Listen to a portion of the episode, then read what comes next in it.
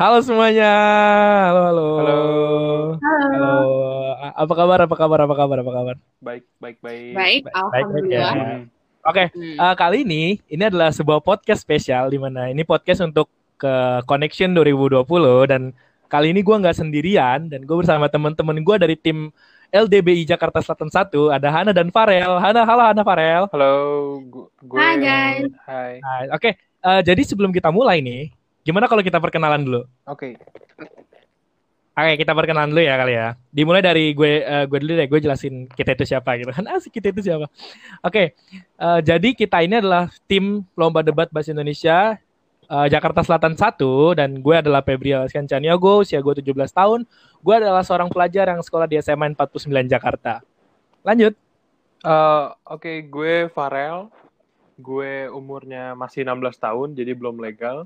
Eh, gue sekarang sek- sekolahnya di SMA 97 dan kemarin LDBI gue eh, keluar sebagai juara satu sebagai best speaker. Yoi. Our best speaker. Lanjut. Em, nama gue Hana, gue masih umur 16 tahun. Eh, gue Ya. sekarang sekolah di SMA 38 dan kebetulan pas LDBI kemarin gue juara 2.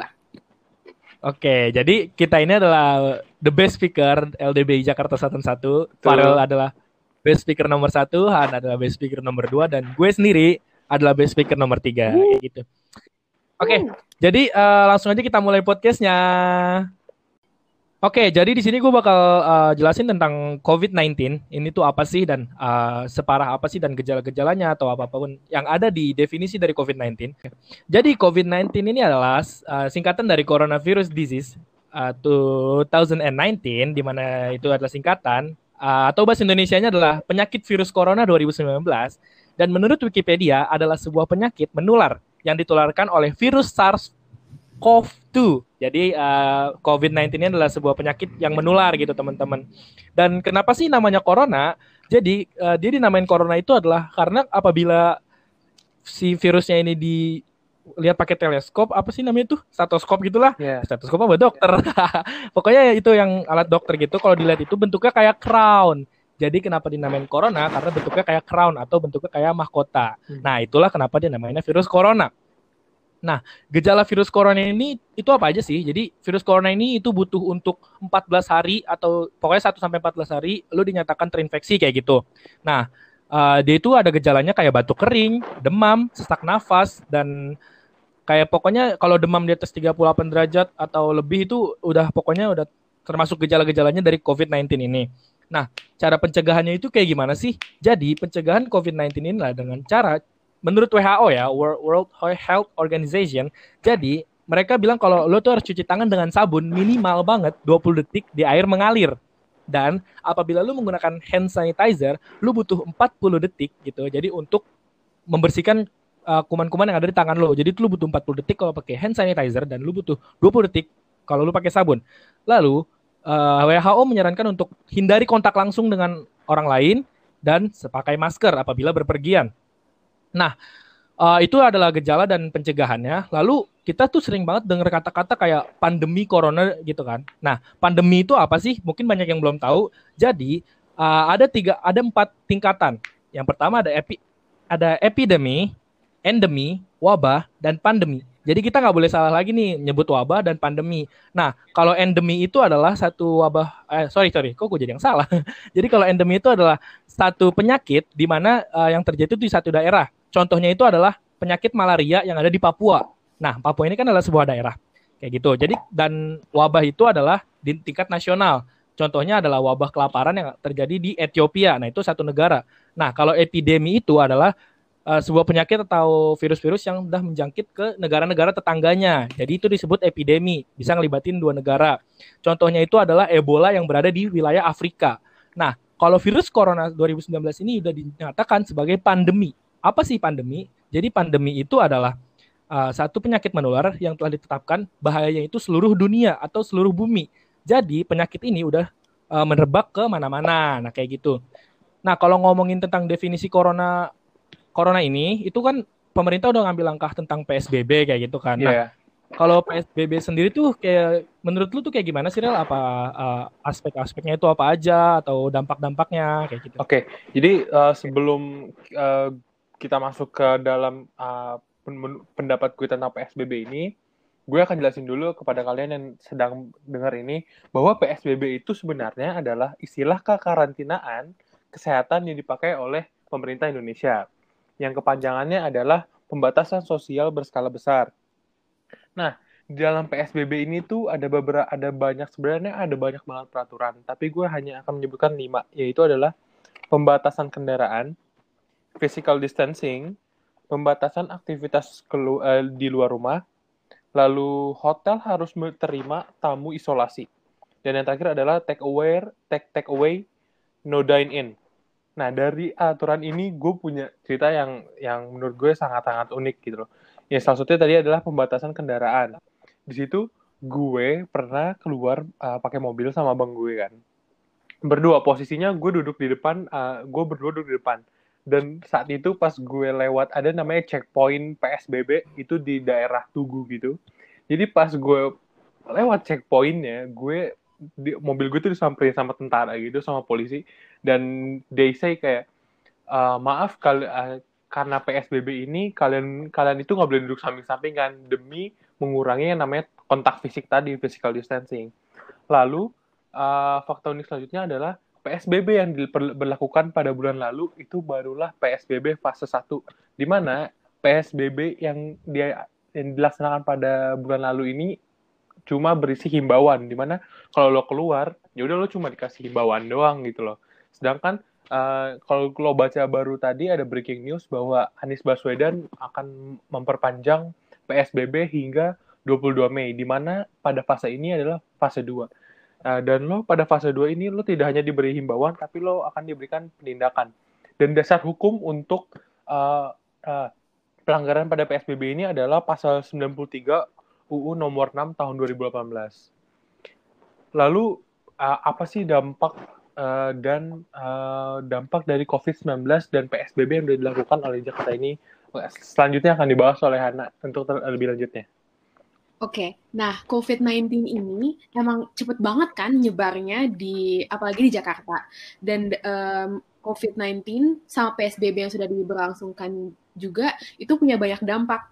Contohnya apa? Orang-orang jadi bored, terus mereka jadi capek, mereka panik. Kenapa? Karena banyak banget karyawan yang uh, di PHK dan mata pencahariannya hilang, misalnya ojol. Dan uh, mereka juga bisa panik, contohnya mereka melakukan panic buying. Jadi kalau di, bisa dilihat di supermarket uh, sekarang, banyak banget barang-barang yang udah ludes dibeli sama orang. Misalnya masker, hand sanitizer. Padahal kan banyak orang yang butuh, tapi banyak orang juga yang nimbun. Nah, karena panikan ini yang ada di masyarakat, misinformation atau hoax cepet banget nyebarnya.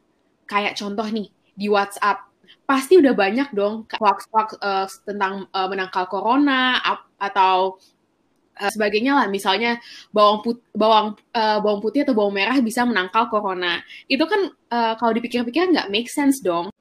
Contohnya nih, hoax tentang bawang merah yang bisa menangkal corona. Alhasil ibu-ibu uh, yang suka mantengin WhatsApp jadi ngelakuin itu dong contohnya emak gue. Dan pada waktu-waktu yang sulit ini selain uh, hoax yang uh, cepat menyebar, kebencian di antara kita juga cepat menyebar. Kita jadi lebih um, lebih gampang untuk spread hate rather than spread awareness. Nah, dalam waktu-waktu yang sulit kayak gini, apa sih yang harus kita lakukan? Yang pertama, kita harus menjalankan tanggung jawab kita dengan uh, tetap tinggal di rumah. Kita nggak bisa dong hanya ngandelin dokter-dokter dan beranggapan bahwa mereka bakal nyembuhin kita. Kalau misalnya kita keluar. Nah, kita sebagai masyarakat jangan cuma ngandelin pemerintah atau dokter dalam menangani corona. Kita juga harus ikut uh, bekerja sama dalam memutus rantai penyebaran. Contohnya dengan kayak tadi, stay at home. Terus kita juga bisa uh, ngebantu nih orang-orang yang nggak mampu dengan cara mendonasikan sebagian uh, uang kita buat uh, mereka, biar mereka juga tetap bisa survive dalam pandemi ini. Selain itu, yang bisa kita lakukan, kita harus memberhentikan hoax atau misinformation ini untuk menyebar. Karena kalau hoax-hoax ini terus menyebar, alhasil orang jadi panik, orang jadi salah ngikutin.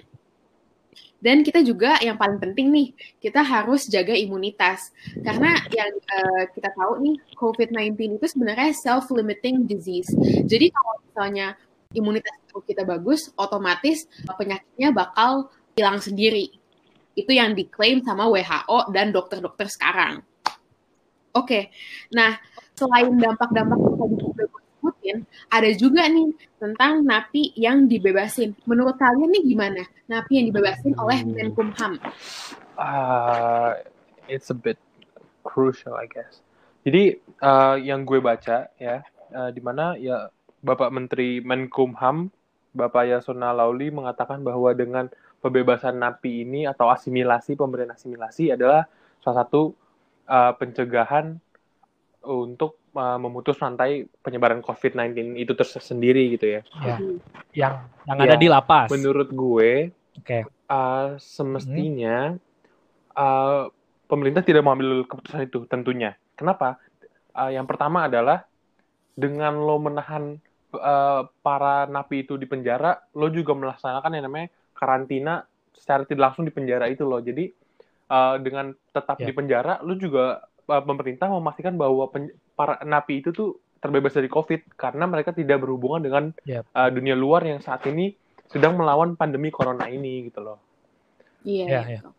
Karena karena mereka juga ada yeah. di iya. lapas kan, mereka juga nggak berkontak langsung dengan dunia-dunia. Jadi mereka juga nggak bakal bawa virus ke lapas kecuali ada petugasnya atau apa yang masuk ke lapas dengan membawa virus lalu ya bisa yeah. kayak gitu cuma kan menurut gue ya menurut gue di lapas pun juga sama kayak stay at home yeah. gak sih kayak kita juga di lapas juga bisa physical distancing gitu kan nggak nggak harus dilepas gitu nggak harus dibebasin apalagi banyak juga napi-napi yang uh, mantan mantan kriminal kriminal yeah. gitu kan mereka juga bakal ningkatin kejahatan di mana kejahatan yang sekarang tuh udah naik yeah. gitu loh karena adanya ekonomi yang timpang tindih akhirnya kejahatan jadi naik dan apalagi tambah napi yang yeah. dibebasin kayak gitu. Makanya uh, dan gue juga baca karena beberapa tuh udah banyak napi yang dapat asimilasi itu tuh berbuat kembali gitu, tapi nggak ada juga yang memilih untuk ke jalur yang lebih benar seperti menjadi relawan untuk melawan corona ini. Uh, yeah. Ya, ya itu itu, itu bagus. bagus sih, itu oh, bagus keren. sih. Cuma kan banyak kan yang ya, berbuat onar. Nah, itu dia. Iya, itu kayak minoritas gitu nggak yeah. sih kayak minoritas yeah. gitu ya we can say minority gitu loh tapi uh, dengan kejadian seperti ini gue hanya ingin mengingatkan kepada lo yang semua yang lagi dengar podcast ini bahwa uh, we can stay at home and we can stay connected each other walaupun kita ada di rumah sendiri-sendiri gitu loh dengan teknologi yang hmm. kita punya sekarang ini kita bisa saling terhubung walaupun kita memiliki jarak yang jauh-jauh gitu. Ya betul banget. Pokoknya uh, kita, social distancing itu bukan berarti lo itu harus putus hubungan dan putus silaturahmi kayak gitu. Waduh. Nah, kenapa itu diubah jadi yeah. physical distancing?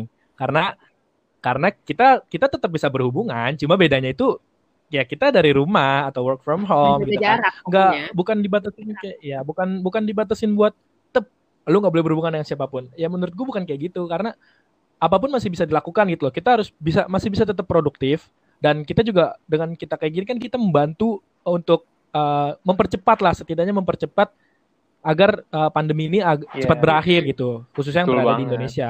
Uh, Oke okay, itu aja podcast dari kita bertiga dari tim LDB Jakarta Selatan satu. Pesan dari gue satu lagi teman-teman untuk seluruh pendengar podcast ini uh, jangan lupa tetap stay at home, tetap produktif di rumah, mm-hmm. ya kan. Pokoknya uh, mari kita sama-sama kita lawan virus ini dan kita semoga cepat berakhir lah kayak gitu dengan kita membantu tenaga medis. Dan gitu jangan kan. lupa kalau pesan-pesan dari lu jaga kan? imunitasnya karena itu paling penting. Ya. Okay. Oke, lu lu perhatian banget ya Hana nih.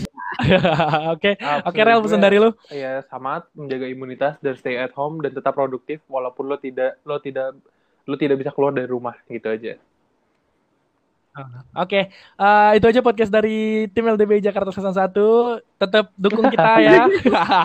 Minta dukungannya buat teman-teman semuanya. Uh, Oke, okay, terima kasih Hana Parel dan jangan Yo, lupa tetap stay safe semuanya. See you, See you bro. See you.